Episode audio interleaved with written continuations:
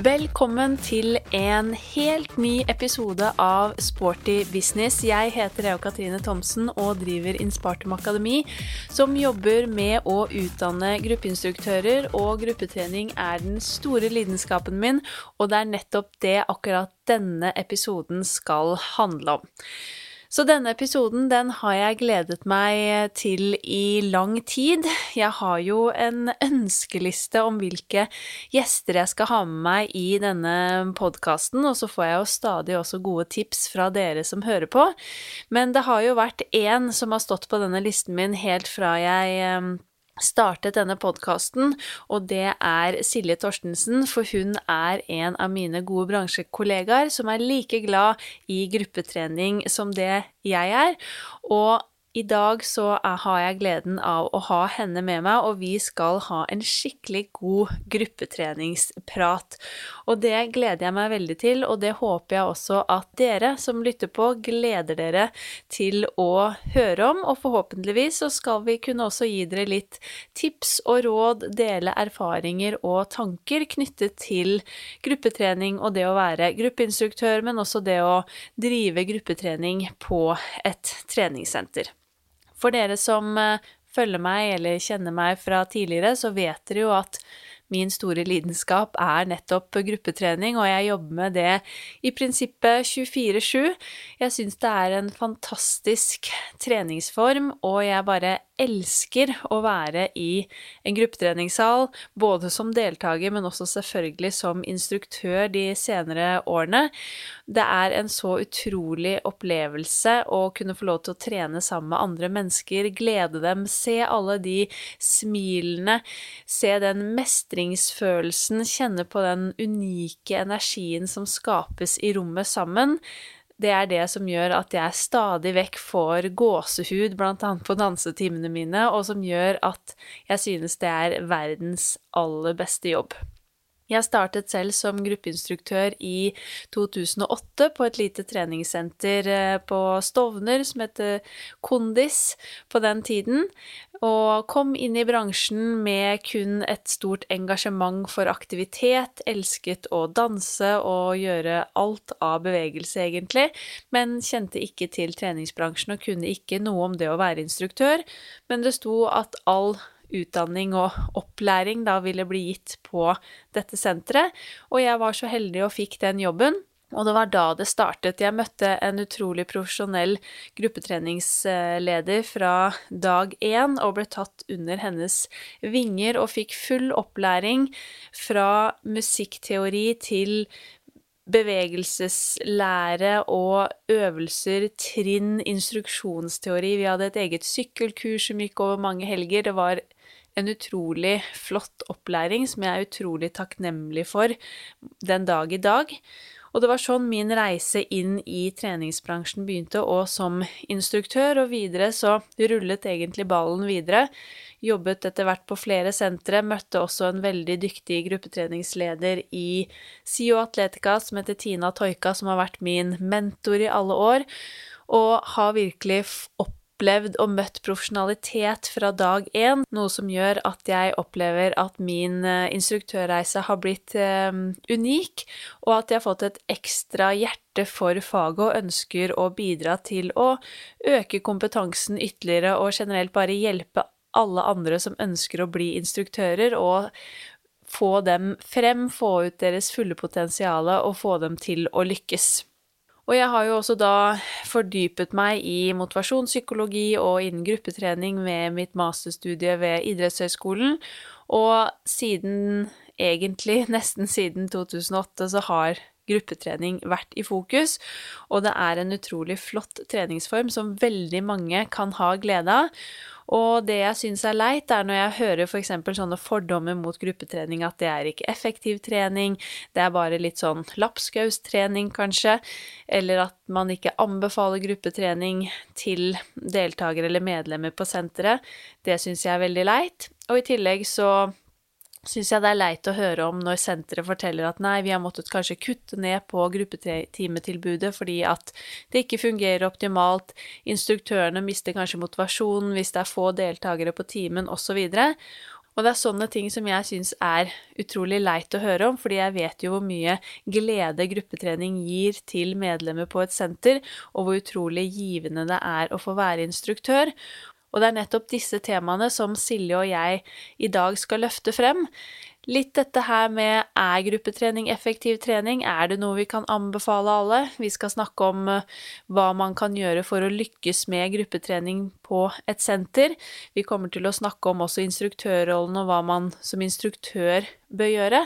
Sånn at jeg håper at denne episoden virkelig gir giv til sentrene og dere som er ledere på sentrene, til å satse på gruppetrening, og at det gir inspirasjon og motivasjon til dere som jobber med gruppetrening, til å levere enda flere magiske treningsopplevelser til deres deltakere. Så denne episoden, den er til alle dere gruppetreningsentusiaster som er like gale og glad i gruppetrening, sånn som Silje og meg. Så noen av dere kjenner jo sikkert eh, kanskje Silje Torstensen fra treningspodden som hun har sammen med Pia Seberg. Hun har jobbet som eh, leder for gruppetrening ved Myrens treningssenter i lang tid.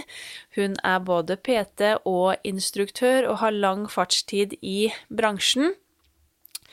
Og hun er en utrolig sprudlende og herlig bransjekollega, og jeg gleder meg nå til å dele vår gode gruppetreningsprat med dere.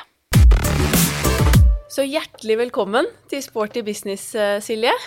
Jo, tusen takk for det. Jeg syns jo det er veldig hyggelig å være gjest i en podkast. Ja, og endelig så skal vi ha en skikkelig god gruppetreningsprat, og det har jeg gledet meg til lenge. Ja, det er jo noe vi begge brenner veldig for og snakker mye om ellers òg, sånn at det blir jo en uh, Egentlig en sånn uh, prat som vi alltid har, bare satt i podkastformat denne gangen. ja, og vi ble jo også kjent gjennom treningsbransjen, og da via gruppetrening, fordi vi har et brennende engasjement for gruppetrening begge to.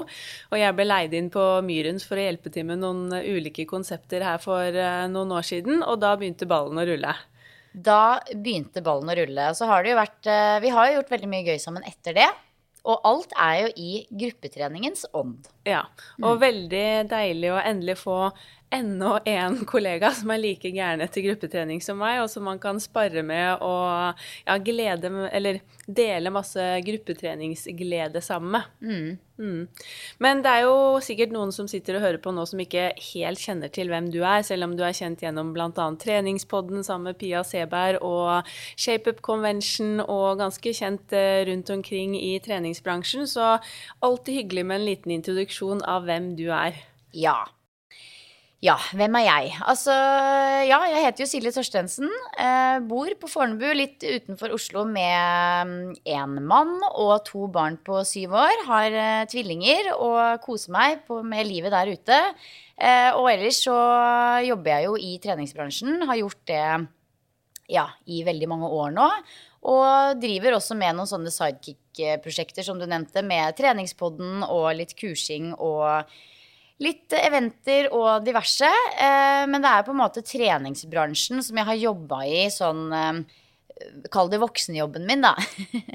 De siste 13-14 åra. Mm. Mm. havnet du i treningsbransjen? Var det gitt at det var der du skulle havne? Eller? Nei, absolutt ikke. Jeg må si at det var eh, Det var kanskje ikke tilfeldigheter, men det var absolutt ikke liksom, Det lå ikke i kortene at jeg skulle havne i treningsbransjen. Og det var aldri noe sånn stor drøm for meg å jobbe med trening eller helse sånn egentlig. Eh, men hvis jeg går langt tilbake, da, så begynte det vel kanskje eh, med at jeg, sånn som mange andre, begynte på treningssenter når jeg var 16-17 år. Eh, og syntes det var veldig gøy. Eh, jeg hadde jo vært i idretten og spilt håndball og sånne ting også, men det var liksom noe spesielt med dette treningssenteret, da, og det var da et lite satssenter i Skien, der hvor jeg bodde på den tida. Eh, og jeg bodde for meg selv. Jeg flytta ut veldig tidlig og hadde liksom muligheten til å traske ned dit og delta på masse gruppetimer. Gikk på mye høypuls, stepptimer, alt mulig, og elska det. Eh, og så var det sånn da at eh, på et eller annet tidspunkt når jeg var 17 år, så var det da en av de som var ledere på senteret der, som plukka meg ut av salen og så tydeligvis et potensial i meg, eh, og spurte om jeg kunne tenkt meg å være å bli trainee da, eh, på dette senteret. Og da var det sånn at uh, dette senteret var i det var litt sånn omstruktureringer i forhold til at det gikk fra å være SATS-senter til et selvstendig senter. Men da gikk jeg allikevel gjennom den safe education som det var på den tida der. Uh, vi var en sånn liten gjeng som fikk intern opplæring og kjempegod oppfølging. Uh, og så begynte jeg å undervise gruppetrening der. Og så flytta jeg etter hvert til Oslo, begynte å, eller fortsatte å holde litt gruppetimer rundt omkring også der. Begynte også med litt sånn eh, pausegymnastikk på bedrift, og liksom bare holdt hjula i gang eh, med gruppetrening og, og mm, ja, bedriftstrening, men hadde likevel ikke på det tidspunktet egentlig sett for meg at jeg skulle jobbe med trening. Hadde bestemt meg for å ta sykepleierutdanning. Eh, og søkte på sykepleieren, og skulle begynne på sykepleieren høsten 2009. Ah. Um, så det var liksom det som var planen. Og så akkurat, tror det var samme uka omtrent, det som jeg skulle begynne på sykepleieren, så var det behov for en ny gruppetreningskoordinator på det senteret jeg var eh, holdt timer på. Eller ett av dem, og det var Myren sportssenter på Torshov. Og da fikk jeg tilbud om den eh, jobben, og da tenkte jeg at ok, det må jeg faktisk teste ut. Eh, når jeg får denne muligheten nå, så får jeg heller liksom ta den sykepleieren seinere. Så jeg gikk inn der eh, med personalansvar og ingen erfaring. og bare elska hvert sekund av det. Jobba tolvtimersdager og bare elska livet. Hadde masse gruppetrening og bare syntes det var så fantastisk at jeg skjønte kjapt at det var på en måte i treningsbransjen jeg ønska å være. Tok PT-utdanning, tok alle disse holdt jeg på å si, fitness-emnene på NIH. Gruppetrening og kostholdsveiledning og treningsveileder og det, jeg vet ikke hva det var. Det var så veldig mye sånn småtteriemner man kunne ta. Jeg tok rubbel og bit, og jeg tror jeg var faktisk det første kullet som gikk på gruppetrening på NIH. Ja. Og det var kjempegøy. Og så bare har det egentlig bare balla på seg etter det. Har jo vært på Myrens uh, i fast stilling, uh, eh, 100 %-stilling, uh, fra 2009 til 2018. Og er fortsatt tilknytta Myrens nå i veldig stor grad, men ikke nå lenger i en fulltidsstilling, sånn som før. Nei. Så du skulle bli sykepleier, og jeg skulle egentlig bli veterinær, og her sitter vi. ja, altså det er, jo, det er jo på en måte liksom tilfeldigheter, men kanskje ikke. Det er jo bare det at du, du, får mange gode, kule muligheter som man tar underveis. Og jeg tenker at det er ikke bare fordi man er heldig, men òg fordi man er flink å jobbe på. Mm, ja. Absolutt. Men hvordan ser hverdagen din ut i dag? Ja, for det er jo noe litt annet. Um, altså, jeg har jo nå de siste to årene hatt en sånn Jeg er i en sånn, kall det liten sånn livslimbo. Hvor jeg nå bare egentlig Fordi jeg har gjort det samme såpass lenge og lært og elska det, for all del, men jeg har kjent at jeg har trengt en, en mulighet nå til bare liksom gjøre noe annet. Så jeg er på et litt sånn, kall det mellomstadie, eller en lengre mellomlanding, hvis du vil. Eh, kall det hva du vil. Men jeg er i hvert fall i en sånn prosess nå hvor jeg har lyst til å teste ut litt andre ting, men også innenfor trening. Så jeg brukte jo hele året i fjor i, til å reise med familie. Var ute og reiste i ni måneder. 2018 tok yoga teacher training og Eh, underviste masse yoga og levde livet. Og nå i år så har jeg har mitt eget AS og driver på en måte for meg selv. Underviser mye yoga, underviser mye gruppetrening og har litt bedriftstimer i tillegg til litt kursing og eventer osv. Så, videre. så det er på en måte litt sånn hvem vet hva, hva som skjer? Eh, akkurat nå så koser jeg meg veldig med det jeg gjør, og jeg kjenner at jeg utvikler meg og lærer så mye av det. Eh, men det kan godt hende at jeg på et eller annet tidspunkt lander i en 100 eh, %-stilling på, på Myrens igjen. Hvem vet. Men altså, akkurat nå så er det veldig deilig å få lov til å være sin egen sjef og bare lære masse. Mm. Det er jo en veldig deilig, variert og kreativ arbeidsdag å kunne undervise og leve av gruppetrening og som du sier, gjøre event og kurs. Absolutt. Mm. Absolutt. Og så var jo på en måte dette året ble jo litt annerledes for oss alle sammen, kan du si. Ja. Så veldig mye av det som var på, på, på jobbagendaen, er jo nå avlyst, dessverre. Men selv om på en måte kanskje bankkontoen er litt mer skrapa enn det jeg hadde sett for meg i år, så er det allikevel sånn at jeg ser på det som en mulighet at ok, da har man plutselig litt ekstra tid. Man kan ta noen uh, flere kurs, man kan bygge på litt, dykke ned i emner man har lyst til å bli bedre på osv. Så, videre. så jeg tenker at uh, det er litt sånn hell i uhell. Ja, det har jo vært en eh, litt kjip vår, men samtidig så har det jo kommet mye, kall det godt ut av deg også, og man har fått et spark bak til å gjøre nye ting. Vi to hadde jo SomaMove eh, sertifiseringskurs online her for første gang for en eh, tid tilbake. Ja. Og det hadde jo heller ikke skjedd hadde det ikke vært for denne koronasituasjonen denne våren. Så jeg tenker at man får jo virkelig liksom litt spark bak til å gjøre noe nytt og kaste seg ut i nye ting. Absolutt. Det er grobunn for nye prosjekter. Og det, det Jeg tenker at um, er, man må prøve å liksom vri det over til noe positivt hele veien. Det er klart at det er lov å sitte og deppe litt over på en måte alle, alle jobbprosjekter som plutselig bare liksom forsvant ut av hendene på oss. Men samtidig så, så, er det, som du sier, eh, mulighet til å liksom skape nye ting som man kanskje ikke hadde tenkt på ellers, fordi man er helt nødt. Mm. Ja. Men vi skal jo snakke om gruppetrening i dag, det vi liker aller best. Enten eh, det er en gruppe egentlig med yogadeltakere, eller om det er høypuls eller styrke. Altså det å trene i gruppe syns jo jeg er helt eh, fantastisk og helt unikt. Mm. Men hva er ditt liksom, forhold til gruppetrening, eller hva er det beste du synes uh, gruppetrening gir deg? Mm. Nei, det har jo på en måte vært veldig sånn uh, en reise, det òg. Fordi det begynte jo helt klart med på en måte bare sånn høypuls og aerobic og trinntimer i sal. Og bare det var liksom Det var livet, på en måte.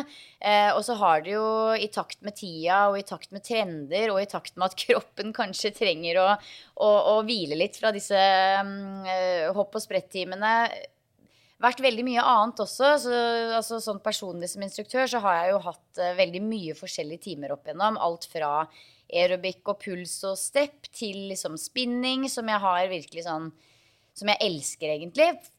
På så mange måter. Uh, fordi det er det det er, og det er den enkelheten, og det passer for alle, osv. Og, så og veldig mye ulike styrkekonsepter. Etter hvert litt mer holistiske treningsformer som Zuma Move, og nå også mye yoga. Og jeg jeg ser jo verdien i alt sammen. Eh, og det er jo virkelig Altså det er jo ikke sånn som det en gang var, at det var liksom gruppetrening var bare liksom å stå på gulvet og, og tråkke i takt med musikk. Det er jo virkelig et eldorado av muligheter nå. Det er akkurat det. Og jeg syns jo at gruppetrening kanskje har fått et litt ufortjent dårlig rykte nå i noen år, og det har jo selvfølgelig også blitt veldig populært også for uh, jenter og damer å trene styrke, mm. og alle har beveget seg ut i studio som før kanskje var på gruppetrening. Og så har man jo sett en litt sånn dalende interesse for gruppetrening, men nå er det heldigvis på vei opp igjen. Og vi har jo ligget på andre og nå da tredjeplass på listen over de største treningstrendene for året ifølge American College of Sports Medicine, så det er jo en gladelig nyhet for oss mm. som liker gruppetrening gruppetrening.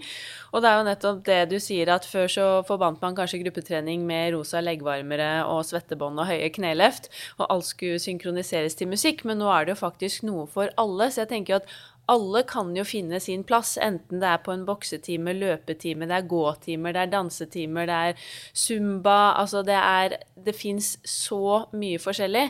Men fortsatt så opplever jeg jo at det er en del som kanskje har litt fordommer mot gruppetrening, eller at de sier at ja, men gruppetrening er ikke effektiv trening, eller nei, du må gå og trene i studio. Hva tenker du om det? Er gruppetrening effektiv trening? Kan vi anbefale det til alle? Altså, jeg tenker jo at Det kommer jo helt an på hva som er målet ditt, men, men svaret mitt er at ja, gruppetrening er effektivt, og ja, gruppetrening passer for alle. Eh, og jeg føler at der, den myten om at gruppetrening ikke er effektivt, det, jeg skjønner ikke helt hvor folk får det fra, for det kommer jo helt an på hva du legger i timen som deltaker, og hvilken time du velger å gå på. Eh, og så syns jeg også det blir en veldig sånn tullete diskusjon å ta når vi vet at en av, altså kun én av tre nordmenn klarer å utfylle minimumskravene eller minimumsanbefalingene om fysisk eh, aktivitet fra Helsedirektoratet. Da blir det på en måte en veldig sånn tullete diskusjon å ta om det er mest effektivt å løpe på en mølle på gruppetime, eller om det er mest effektivt å løpe ute. Altså Det er virkelig sånn det spiller da ingen rolle. Eh, utfordringen er jo at vi må få flere folk i aktivitet, og da er gruppetreningen helt unik arena for å få til nettopp det. Eh, så jeg, sånn som jeg ser det, er jo at gruppetrening er først og fremst fantastisk for folkehelsen, fordi det er en enkel vei inn for mange. Det er ikke sånn at alle sitter der og har erfaringen og kunnskapen og verktøyene som skal til for å sette i gang med egentrening. Eh, sånn er det bare, og da er gruppetrening veldig bra, fordi det er ofte et kall det et gratis tilbud i et treningssenterabonnement, der hvor du faktisk møter eh, sertifiserte trenere som kan guide deg og gi deg et ok opplegg. Eh, men så tenker jeg òg for de som er eh, treningsfolk, og som har god, en, en, solid treningshistorikk. For de vil det også være positivt med gruppetrening. Eh, både pga.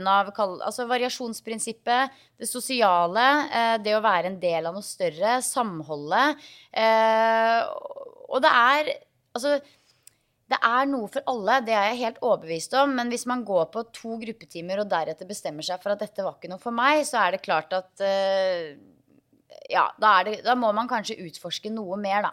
Mm.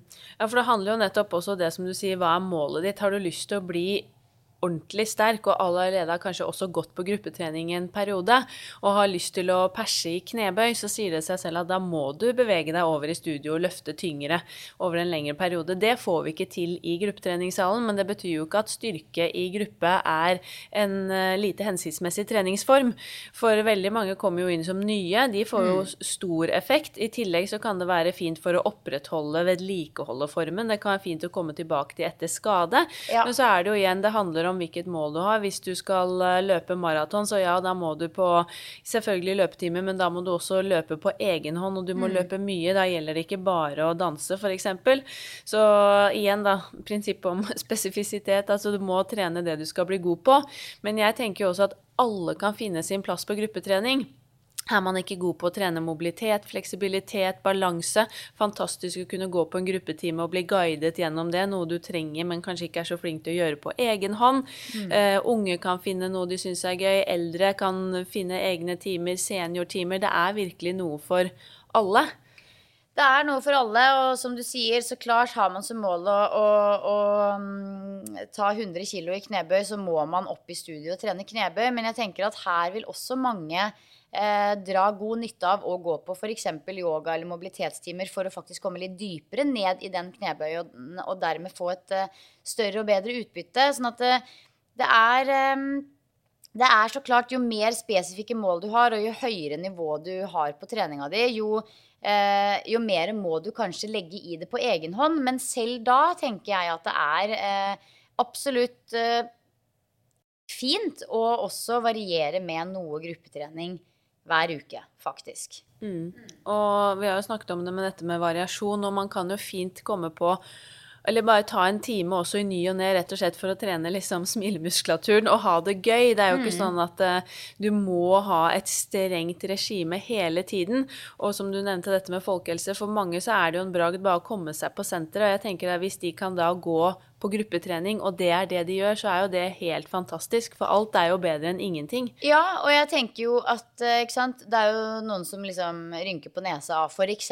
Zumba, da. Eh, som eksempel at det på en måte er en time hvor du ikke blir så veldig svett, og det er ikke så slitsomt som andre gruppetimer osv. Men så ser jeg jo støtt og stadig at veldig mange går på mølla en time.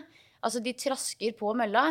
Og da tenker jeg at det å bytte ut da den én eh, times gangen på mølle med en zumba-time, hvor du òg får høyere intensitet. Altså why not? Det er morsommere, det er mer kreativt. Du får, som du sier, eh, kanskje ledd og smilt litt, og du er i et fellesskap med andre mennesker. Og, og, det som jeg elsker med gruppetrening, det er på en måte det at du er i et fellesskap, du er i en gruppe, men ingen setter noe krav til deg. Er, du kan være der og liksom gi eller, eller um, ikke gi så mye du vil.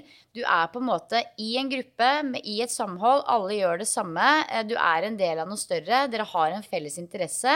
Eh, men det er allikevel sånn at ingen forventer noe spesifikt ut av deg. Mm. Og det tror jeg er eh, betryggende for mange. Ja, Det er individuell trening i gruppe. Ja, det er jo det. Og det er jo ingen tvil om at det skaper veldig godt samhold og eh, ikke minst eh, lojale og motiverte kunder. Vi ser i hvert fall det hos oss at eh, veldig mange av de kundene som går fast på gruppetrening, er de som er stayers. Altså de bare blir og blir og blir. Og det er liksom arrangeres sommerfester og julefester og, og under korona var det liksom oppmøte der hvor de trente sammen utafor senteret, selv om senteret var stengt. Og det er liksom Det skaper jo et helt unikt samhold som du ikke får på samme måte i studio.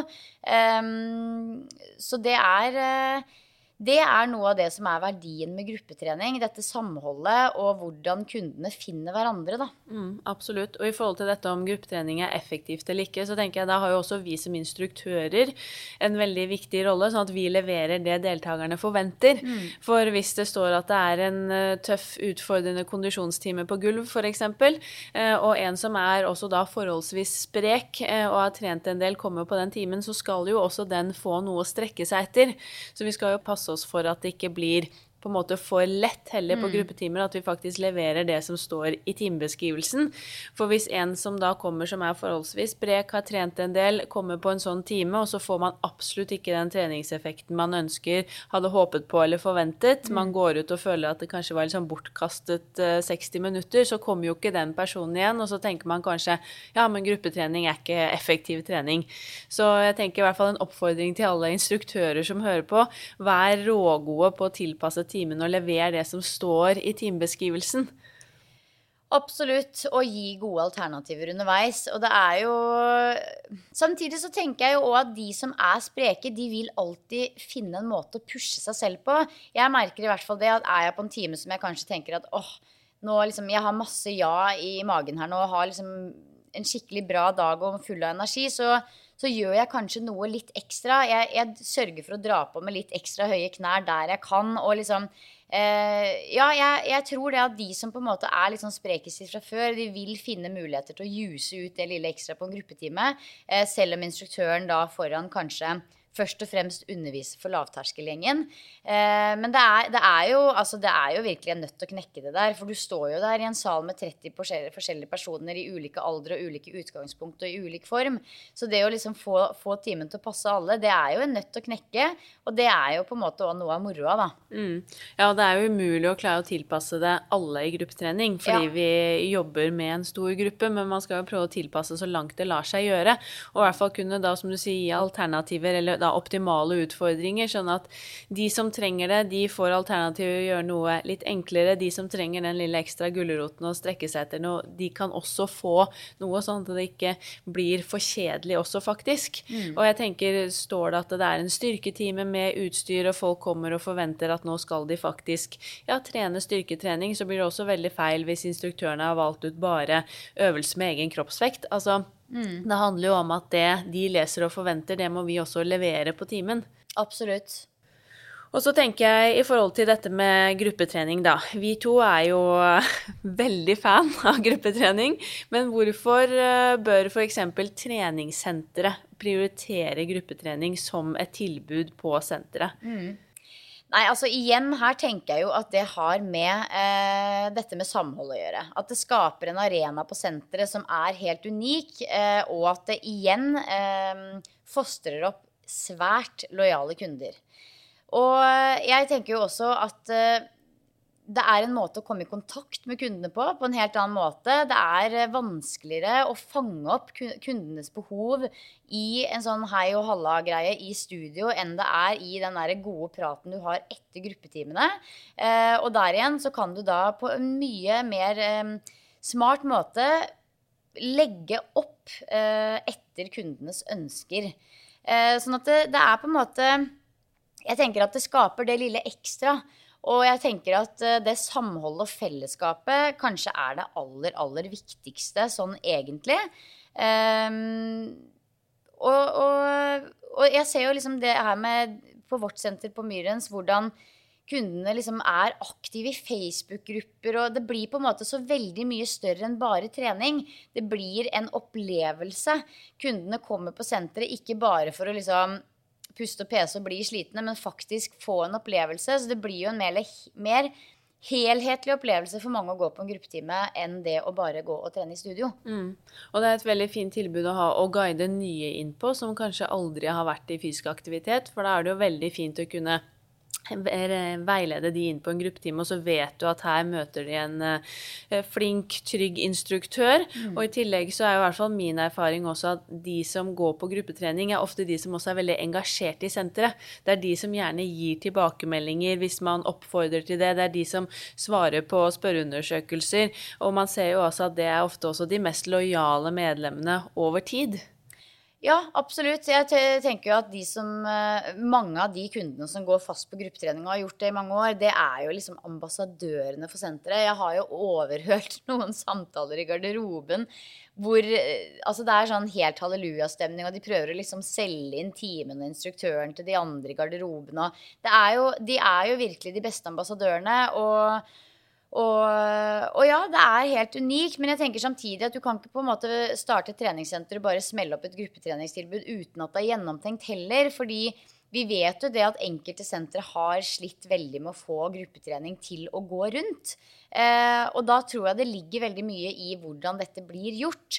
For det er jo selvfølgelig viktig at når du først skal tilby gruppetrening, og satse på det og bruke store areal inne på senteret som ikke sant, skal være kun til gruppetrening, og ikke minst lønne instruktører og vedlikeholde eh, kompetanse osv. I, den, eh, I den eh, sjangeren så må man også gjøre det på en smart og gjennomtenkt måte.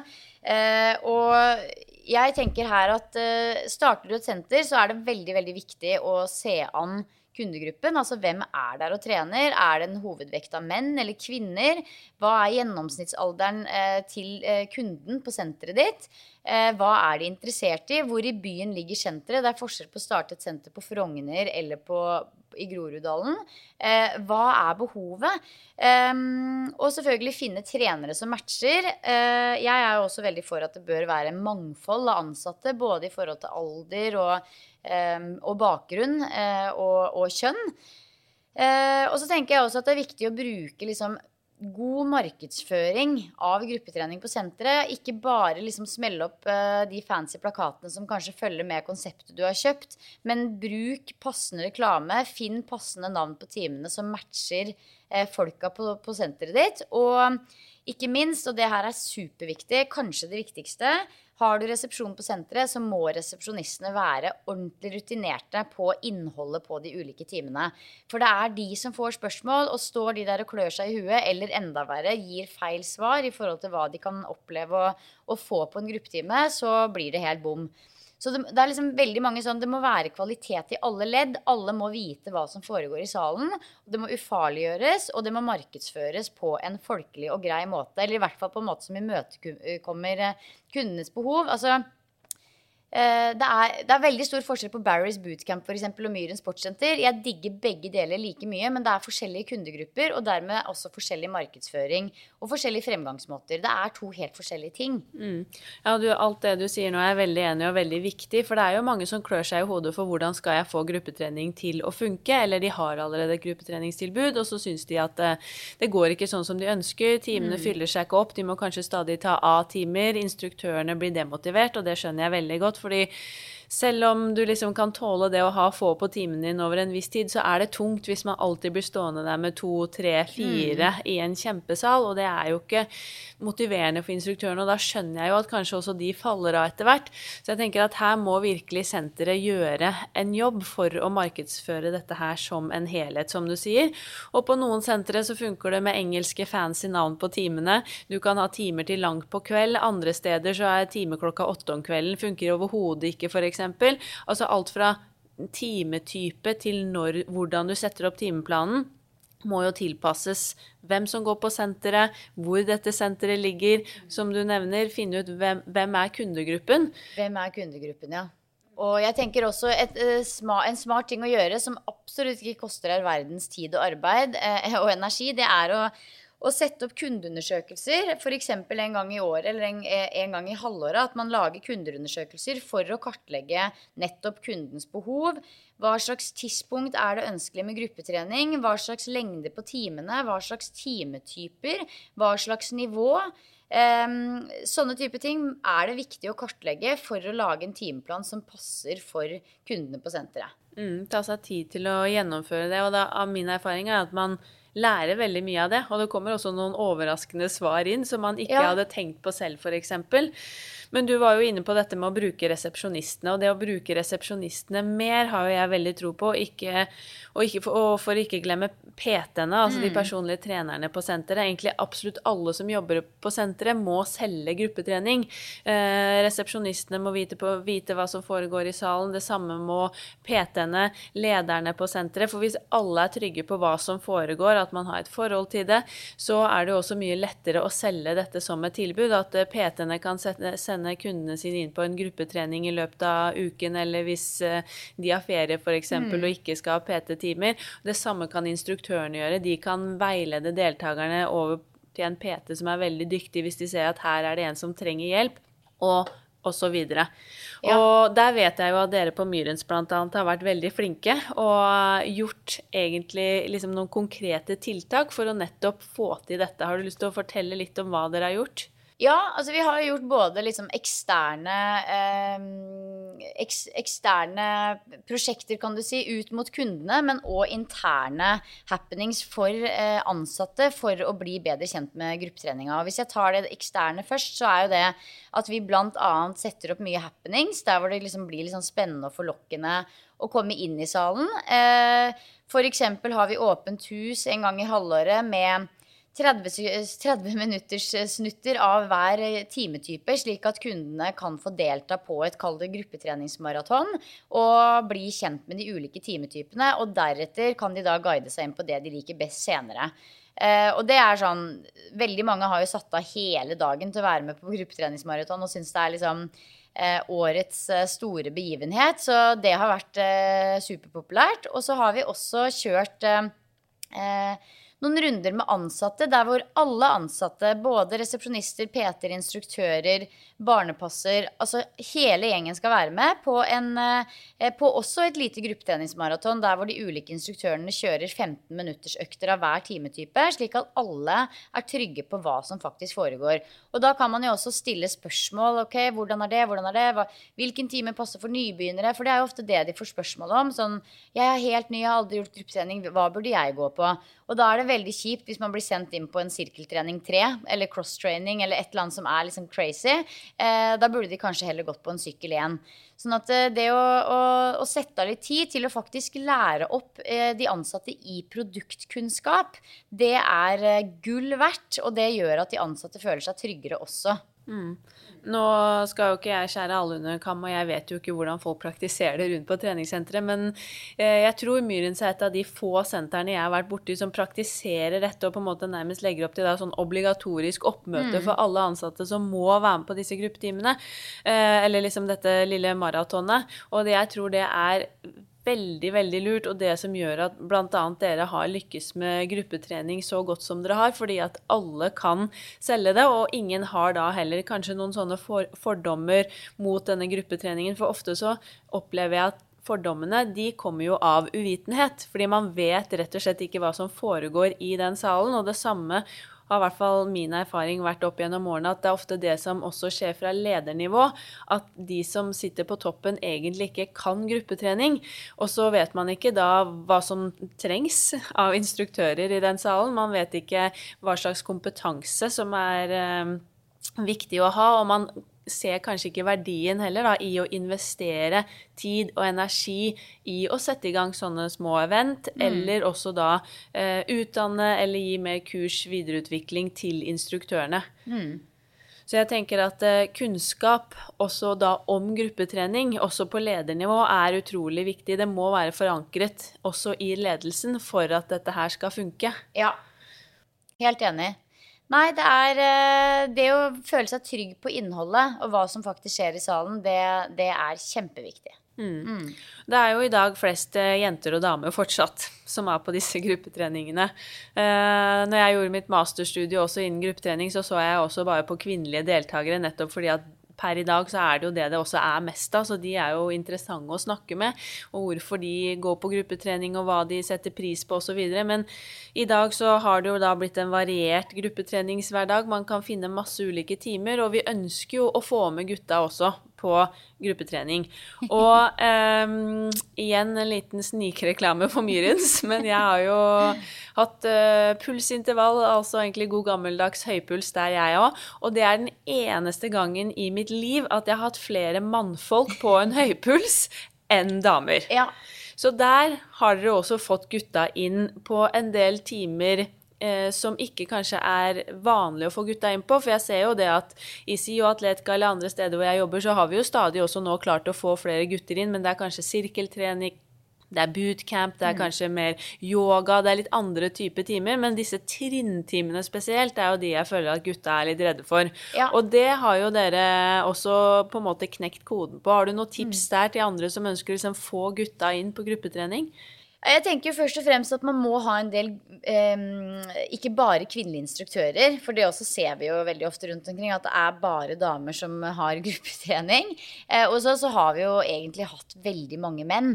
Eh, og det tror jeg absolutt eh, gjør at det, det ufarliggjør det. Eh, I tillegg til at vi har satsa på mye timetyper som eh, som har vært populære blant menn. Eh, vi har jo hatt et veldig sånn stort sirkeltreningmiljø hos oss. Og, eh, og, og liksom virkelig dyrka den eh, timen og det miljøet rundt, ikke minst. Det har jo blitt både ekteskap og sirkeltrening, babyer og Det er jo det er ikke måte på. Det er jo virkelig sånn Det har blitt en skikkelig greie, da. Eh, og så ser vi jo at de som først kommer seg inn på den timen, eller de type timetimene som er litt mer kjønnsnøytrale og, og, og eh, ikke fullt så farlige som disse koreografitimene, de tør jo da å gå videre fordi at de blir kjent med andre som går på andre timetymer, og så sprer det seg. Så jeg også hadde på tirsdag denne uka her med en mann på, på pulstimen min som jeg vet går fast på sirkel, eh, som aldri har vært på puls før, og han så at altså det kosta han ikke noe eh, stolthet å gå på en pulstime selv om han ikke hang helt med, fordi han føler seg trygg på den arenaen. Så jeg tenker at eh, Eh, målet må jo ikke nødvendigvis være at man liksom skal få mann inn på aerobic sånn asap, men at de kommer inn på noe. Eh, og deretter så vil det jo være mindre farlig å gå på andre timetyper etter hvert.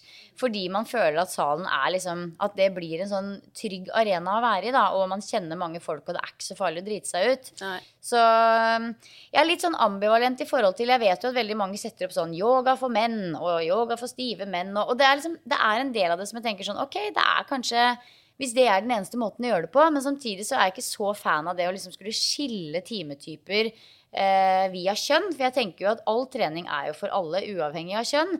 Eh, så det handler vel kanskje bare om å jeg kan forstå at for, eh, for Tore på, på, på 50 så er det ikke så fristende å gå på en time som har et bilde eh, og et navn med liksom en dame med pupper og Altså det må på en måte være litt sånn Hallo, vi er bare folk, liksom. Eh, gutter og jenter og menn og kvinner og eh, Ufarliggjøre ting tror jeg det handler veldig mye om. Og treningsbransjen generelt i dag, det har jo blitt bedre, men jeg syns jo fortsatt kanskje mye av gruppetreningstilbudet generelt kanskje har litt sånn feminin fremtoning, og i markedsføringen så rettes det også veldig mot damer og jenter. Eh, og jeg kan jo skjønne disse gutta som da alltid ser at det bare er damer og jenter på disse timene, at man syns det er litt uh, skummelt å gå inn, og jeg tror det er mange som jeg vet jo ikke, da, det blir spekulasjoner, men at det virker jo som om gutta er litt mer redd for det enn vi jenter er. Vi, jeg kunne på en måte fint gått inn på en time hvor det bare var gutter, men jeg tror det sitter litt lenger inne eh, motsatt. Eh, Ja. og, og samtidig så føler jo jeg meg trygg i salen, så jeg kan jo egentlig gå inn og teste ut hva som helst. Har man aldri vært der inne? Og igjen da, dette er man vet ikke hva som foregår der inne. Og det er jo ofte et lukket rom, det er jo ikke alltid det er glass inn så du kan se hva man holder på med. Det er jo også veldig fint, har man muligheten det på et senter, at folk kan faktisk titte litt inn. Eh, sånn at man får ja, litt kunnskap eh, om hva som foregår i den salen. Og igjen dette her med så har jeg veldig tro på disse her eh, åpne dagene med litt sånne korte snutter av hver time. For da blir jo ikke terskelen så høy eh, om å komme og møte opp og bare teste ut den timen. For hvis du ikke liker det, på en måte, så varer det ikke så lenge, og så har du gitt det et forsøk, og så kan man teste en annen time, og så kanskje liker man den istedenfor. Ja, ja, ja. Og så er det jo også Det er jo en del menn som blir veldig trigga av konkurranseaspektet. Eh, og det å kjøre i gang sånne konkurranser og kampanjer hvor man kan f.eks. liksom tren så og så mange ganger på, fem, på, på tre måneder. Og, altså det er kun et eksempel. Eller at man må gå på én gruppetime i uka minimum i en så og så lang periode osv. Så. Sånne type ting er jo eh, ting som liksom trigger konkurranseaspektet, da. så, så jeg tenker at eh, man må bare leke seg litt med tanken, og ikke minst snakke med gutta. Noen ganger så opplever jeg at man kanskje bare må rett og slett invitere dem inn. Stå ved resepsjonen og si sånn 'Halla, hva skal du? Trene i studio? Ok, jeg kjører en spinningtime nå. Hvorfor ikke bare bli med der?' Det er liksom mulig å strekke ut en hånd og faktisk invitere, og det tenker jeg også at resepsjonen kan være flink til. Hvis man ser at det er en time som har ti ledige plasser, så kan man jo invitere med seg kunden som kommer på akkurat det tidspunktet inn på en time. Og så på VIP så har du plutselig kanskje noen helt faste nye deltakere inn på timen din. Mm, absolutt. Og i forhold til dette her med å få med gutta boys, så er det jo også kult å f.eks. invitere et fotballag eller et annet idrettslag eh, inn mm. på gruppetrening eller få teste et nytt konsept, og også spørre om man da kan få lov til å bruke det litt i markedsføringen. Kanskje man kan spørre dem hva syns dere, og så kan man bruke det i markedsføringen på, på senteret også. Det tror jeg også er lure og litt sånn morsomme event å gjøre for å få gutta inn i salen. Jeg vet jo at sånn som Somamov, en på Myens, hun har jo kjørt det for brytelandslaget f.eks. Mm. via at Somamov for mange andre. I Danmark så kjører de det for masse ishockeyspillere. Og det er jo ikke bare Somamov, men veldig mye av denne gruppetreningen er jo superfin for idrettsutøvere og for både damer og menn. Så jeg ja, tenker ja, ja. at vi må bare klare å liksom snakke om det og få de inn til å teste. Ja. ja det er det det handler om. Eh, få dem inn og bare Forberede dem på at du kommer kanskje ikke til å klare alt i dag, men det hadde jo vært fryktelig kjedelig hvis du faktisk hadde fått til alt i dag. Altså, hallo, det er jo gøy å ha noe å strekke seg mot, og gjøre dem litt sånn eh, Gjøre dem litt trigga, gi dem mestringsfølelse, men samtidig noe å strekke seg etter. Mm. Mm. Nå har jo vi som vi nevnt vært inne i en veldig rar eh, periode i treningsbransjen. I lockdown, og det har vært stengt, og nå har vi i hvert fall endelig kommet i gang. Så det er veldig gøy å være i gang med timer igjen. Vi vet jo fortsatt ikke helt hvordan høsten blir, og i forhold til restriksjoner osv., men vi har jo en jobb i bransjen å gjøre nå for å liksom lokke folk inn igjen og reise oss igjen etter en uh, treg og vanskelig høst. Ja. Har du noen ideer eller tips eller tanker om hva vi som bransje bransje som helhet bør gjøre, og spesielt da med gruppetrening, mm. for å på en måte fylle salen igjen og kanskje også lokke tilbake en del av de som nå dessverre har meldt seg ut? Mm. Nei, det er jo en vanskelig nøtt å knekke, og jeg er jo, klør meg jo i huet, jeg som alle andre. For vi er jo førstegangs eh, Vi er jo de første som tester dette her. Eh, men jeg tenker jo at det er veldig, veldig viktig nå, hvor vi faktisk har fått lov å åpne, at vi viser til verden og deltakere og kunder og det som er, at uh, treningssenterarenaen er en trygg arena. Um, og kanskje fortsette med noe av det vi har gjort også under den tiden hvor vi hadde dørene stengt, med utetrening og kombinere kanskje treninga inne på senteret med både utetrening og eventuelt også kanskje fortsette med å dele ut hjemmetreningsprogram for de som ikke føler seg trygge. Og kanskje faktisk også fortsette med noe online-timer og timer fysisk i kombinasjon, f.eks. For, eksempel. for jeg tror um, jeg tror nok faktisk det er en del som føler at treningssenter er en, en arena hvor de liksom ønsker å unngå pga. smittefare fortsatt. Og det, det, og det, må man jo bare, ikke sant. Eh, det må man bare respektere. Og samtidig gi disse menneskene et tilbud for at de kan få holde seg aktive. Um, men det er jo så klart, man må bare prøve seg litt fram. Og det, å, det er vanskelig å vite hvordan denne høsten blir. Eh, vi håper jo at, den, at, det drar seg mot normalen sånn fullt og helt, men det vet vi jo ikke. Så man, man må jo liksom være åpne for å At man må kunne kaste seg rundt og være litt sånn eh, eh gjøre det som trengs når det trengs. Eh, om det er store endringer eller små endringer. Men jeg tror først og fremst at det er viktig at vi at vi får fram budskapet om at det er trygt på treningssenter, og at vi virkelig gjør det vi kan for at det skal være en trygg arena. Mm. Ja, det tror jeg også er veldig viktig. At trygg og sikker trening er i fokus, og at eh, alle sentre og alle aktører i bransjen virkelig tar ansvar og følger eh, de eh, smitteveilederne man har fått. Mm. At man gjør de enkleste tiltakene, sånn at folk, som du sier, føler at det er trygt å komme. Ja. Og så tror jeg dette, i hvert fall enn så lenge været holder, dette med å kombinere med litt utetrening tror jeg også kan være en litt sånn nøkkelen til suksess for å få folk inn på sentrene og kanskje inn på gruppetrening. For ja. med en gang det er ute sammen på en gressplen eller noe sånt nå, under åpen himmel, så opplever jeg også at terskelen er litt lavere for de som kanskje ikke har turt å gå inn den døra på gruppetrening før. Ja. Så det tror jeg virkelig har fått um, At veldig mange har fått liksom mersmak eh, på. Og ja. det tror jeg man bør fortsette med som senter. I hvert fall ha litt kombinert, da. Både ute inne, og det gjør det jo også lettere i en tid vi er inne hvor vi må ta hensyn hensyn til dette med smittevern, at man kan eh, fortsette med en del timer ute. Ja, jeg er helt enig. Så en kombinasjon av det, det er uh, veldig positivt på veldig mange måter. Mm. Ja. Men sånn fremover, da. Har du noen tanker om liksom hvordan uh, treningsbransjen kommer til å utvikle seg? Har du noen liksom, dette, tanker om hva mm. det blir mer av, mindre av? Eh, hvordan tror du gruppetreningstilbudet ser ut f.eks. om fem år? Ja, det er jo vanskelig å si, men uh, noe vi vet det blir flere av, det er jo eldre.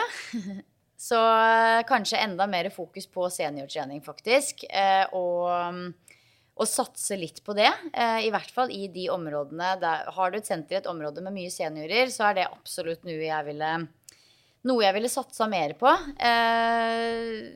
Og jeg tenker også faktisk at vi kan strekke oss etter å bli enda råere for å ta ta vare på lavterskelkunden, rett og slett. Eh, det er Vi lager så utrolig mye tilbud til de som allerede trener. Eh, og det er gøy, og det er spennende, og man møter mye energiske ja-folk. Men vi må på en måte heller ikke glemme at det sitter veldig mange der ute som fortsatt ikke har tatt steget inn på treningssenteret, og som fortsatt er ekstremt inaktive. Så jeg tror det å liksom Altså, Det er ikke sikkert vi får det til, men jeg tror at det er mulig å få det til. Men da må man på en måte vri hodet og virkelig satse for å finne en mulighet eh, der vi kan eh, ta imot lavterskelkunden og få de til å fortsette. Fordi eh, vi får jo januar januarkunder hvert eneste år, så det å satse på metoder for å beholde dem, men òg få de som eh, ikke tør å komme nå, til å tørre å komme, det hadde vært fantastisk. Um, så det er jo på en måte ting som jeg Det er jo en sånn kombinasjon av ting jeg håper skjer, og ting jeg tenker vi kan bli bedre på, mm. rett og slett, i treningsbransjen. Men um, sånn i treningssenterbransjen og i forbindelse med gruppetrening, så tror jeg kanskje vi kommer til å se mye mer av um, yoga. Og holistiske treningsformer og litt sånn eh, body-mind-konsepter. Enda mer av det. Eh, Crossfit-trenden tror jeg ikke kommer til å dø ut. Crossfit-trening og, og, hit- og sirketrening tror jeg på en måte kommer til å være sånn alltid eksisterende ting som folk på en måte digger. Det er enkelt, det er hardt. Du får det du skal ha, og så går du hjem, liksom. Eh, og så tror jeg kanskje at eh, Eller det håper jeg, det er igjen noe jeg håper, da. At det blir enda mer sånn kurs Kurs eh, Hva skal jeg si? En form for kursing innenfor gruppetrening. Fordi det er jo Jeg elsker også det at du bare kommer og går, og det er ikke noen forventninger. Men jeg tror kanskje man kan få enda mer entusiastiske, engasjerte og motiverte kunder hvis man også kan tilby dem et kurs hvor de går ut og føler de har lært noe mer. Eh, som et til, tilleggstilbud, da, f.eks. Så det er mange ting eh, det er mange ting å spille på, og så er det jo noen ting som klaffer, og noen ting som, som på en måte blir en døgnflue. Men, eh, men, eh, jeg tror nok i forhold til trender og sånn, så tror jeg i hvert fall holistiske treningsformer, yoga, crossfit, det er på en måte det, det er stayers. Ja. Jeg tenker at Gruppetrening har jo virkelig kommet for å bli. Så gruppetreningen fortsetter.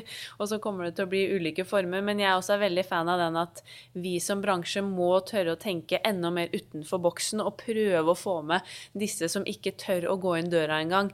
Igjen dette med at vi virkelig skal være en arena for folkehelsen. Så der tror jeg, og man ser jo det De som har satt i gang da med gåtimer inne på mm. møllene også, har jo på en måte vært nytt de siste to årene, kanskje. Mm. Eh, og det har jo blitt kjempepopulært i SIO Atletica så har de også felles gåturer ute. Ja. Eh, og det at man tør å tenke mer lavterskel, det tror jeg vi kommer til å vinne på. Det er det vi må, skal vi klare å få flere inn dørene.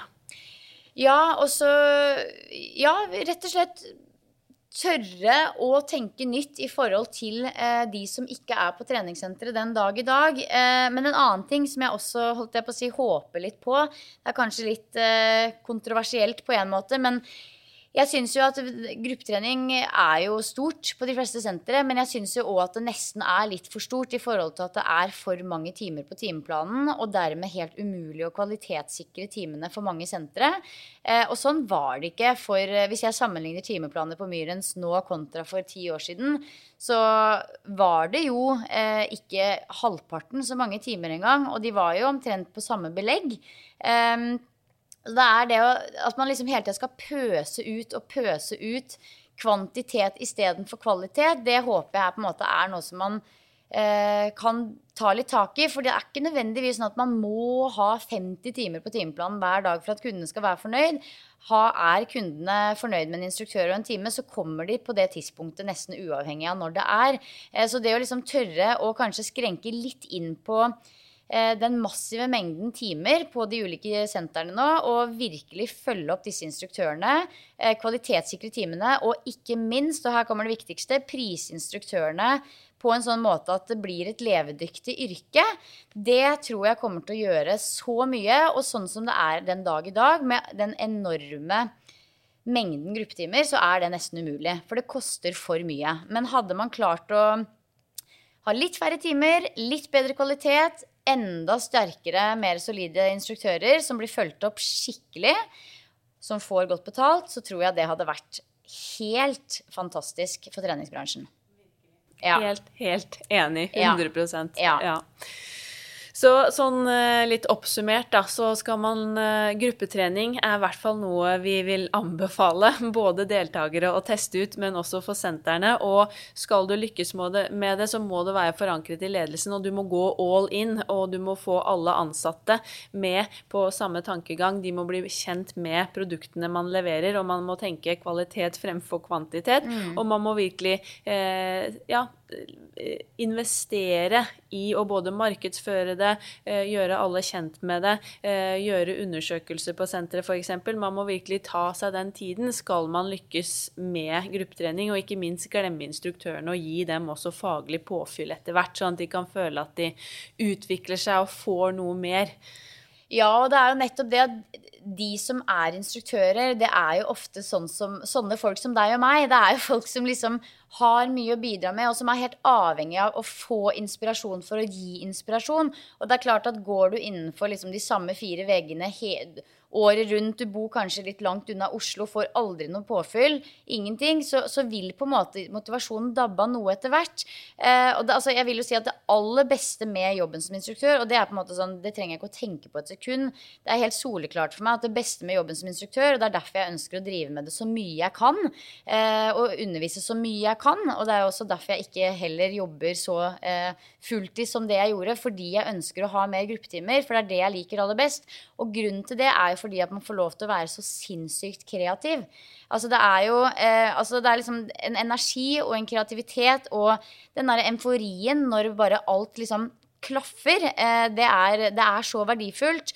Um, og det er på en måte det å, være, det å, være, kreativ. Har du det i deg, så er instruktøryrket perfekt. For du får jobbe med kreativitet innenfor musikk, eh, coaching, koreografi. Man blir på en måte aldri utlært. og det blir litt sånn at kreativitet avler kreativitet. Eh, man får lov å være oppfinnsom og nytenkende og kreativ. Og det å gi noen en kreativ opplevelse, sånn som man får muligheten til i salen, det er en god følelse. Sånn at uh, er du en kreativ type som sitter med liksom mye tanker, og liksom at det liksom bobler litt over innimellom, så er liksom, da kan jeg virkelig anbefale å prøve å gå all in som instruktør. ja. uh, men igjen, det er vanskelig å ha det som et levebrød. Men jeg håper jo virkelig at det skal bli mulig etter hvert. Ja, det håper virkelig jeg også. Og det er jo det jeg elsker med denne jobben her òg. Men det er jo som du sier at altså kreativitet Altså du trenger påfyll da for å kunne være kreativ. Så jeg har jo kjent på det mange ganger selv at jeg tenker at åh, oh, nei, nå stagnerer jeg. Nå mm. trenger jeg et kurs, eller nå trenger jeg påfyll, jeg trenger veiledning. Eh, få noen til å komme og se på timen min. Så ja. det er viktig at man virkelig følger opp de instruktørene på senteret, for man blir aldri ferdig utlært, men man trenger også stadig påfyll og drypp for å kunne levere gode gruppetimer. Og så må man la de, de som virkelig er kreative og engasjerte, få lov til å sprudle. Ja og få lov til å være med og utvikle og bidra på senteret, for ellers så mister man de. Og det er kanskje liksom de som er de ekstra ressurspersonene man har på senteret. Så virkelig legge til rette for at de kan få lov til å utfolde seg også. Ja. Mm. Ja, nei, det er ikke noe sånn, eh, det er ikke noe sånn samlebåndsjobb. Da blir man lei. Mm. Skal det være et bærekraftig yrke over lang, lang tid, kanskje et helt liv, det er jo det jeg håper for min del. Altså, jeg har virkelig landa i instruktøryrket. Jeg ønsker å, å, drive med dette her så lenge som mulig, men da må man òg eh, da må man fornye seg hele tiden, for da blir det spennende. Eh, og man må få lov til å bli inspirert ja. og få lov til å leke litt med nye teknikker og nye tanker og å, og teste nye ting. Mm, helt Ja. klart. Men sånn helt til slutt, da. Hva, oppsummert, hva er det beste du syns med treningsbransjen? Eller hva er det beste i denne bransjen? Det er jo eh, menneskene. Både på en måte de man jobber med, fordi det er mye, eh, mye fine folk som man jobber med. Det er jo folk som liker å stå foran, folk som føler de har mye å gi, mye å, å, å dele. Det er delemennesker, og det er jo utrolig inspirerende. Det å være på et personalrom på et treningssenter, det er tror jeg, noe helt annet enn å være på et hvilket som helst annet personalrom. Så, så folka man jobber med, er jo én ting, men så er det også folka man møter på gulvet, altså medlemmene, som er alt mulig slags folk. Og det er jo også liksom helt unikt det å, å liksom det å være en PT, en trener, en instruktør, da er man på en måte en hverdagshelt for så mange mennesker. Jeg tror ikke Altså Man tenker kanskje ikke over det sånn egentlig, men man gir eh, noe unikt til eh, disse personene som, som, som følger deg. Og, og det å få lov å liksom eh, det å få lov å, å, å følge med på hva som faktisk skjer med mennesket når de går inn i salen, er litt sliten etter jobben, stirrer ned i gulvet, er litt sånn grå i maska, og så etter timen så er de liksom sprut rød i trynet, smiler, skravler, skravla gå. Det er liksom eufori, og de har plutselig gått fra å være introverte til outroverte på 45 minutter. Det er liksom Det er ganske magisk å oppleve. Eh, så det er nok kanskje noe av det beste for min del.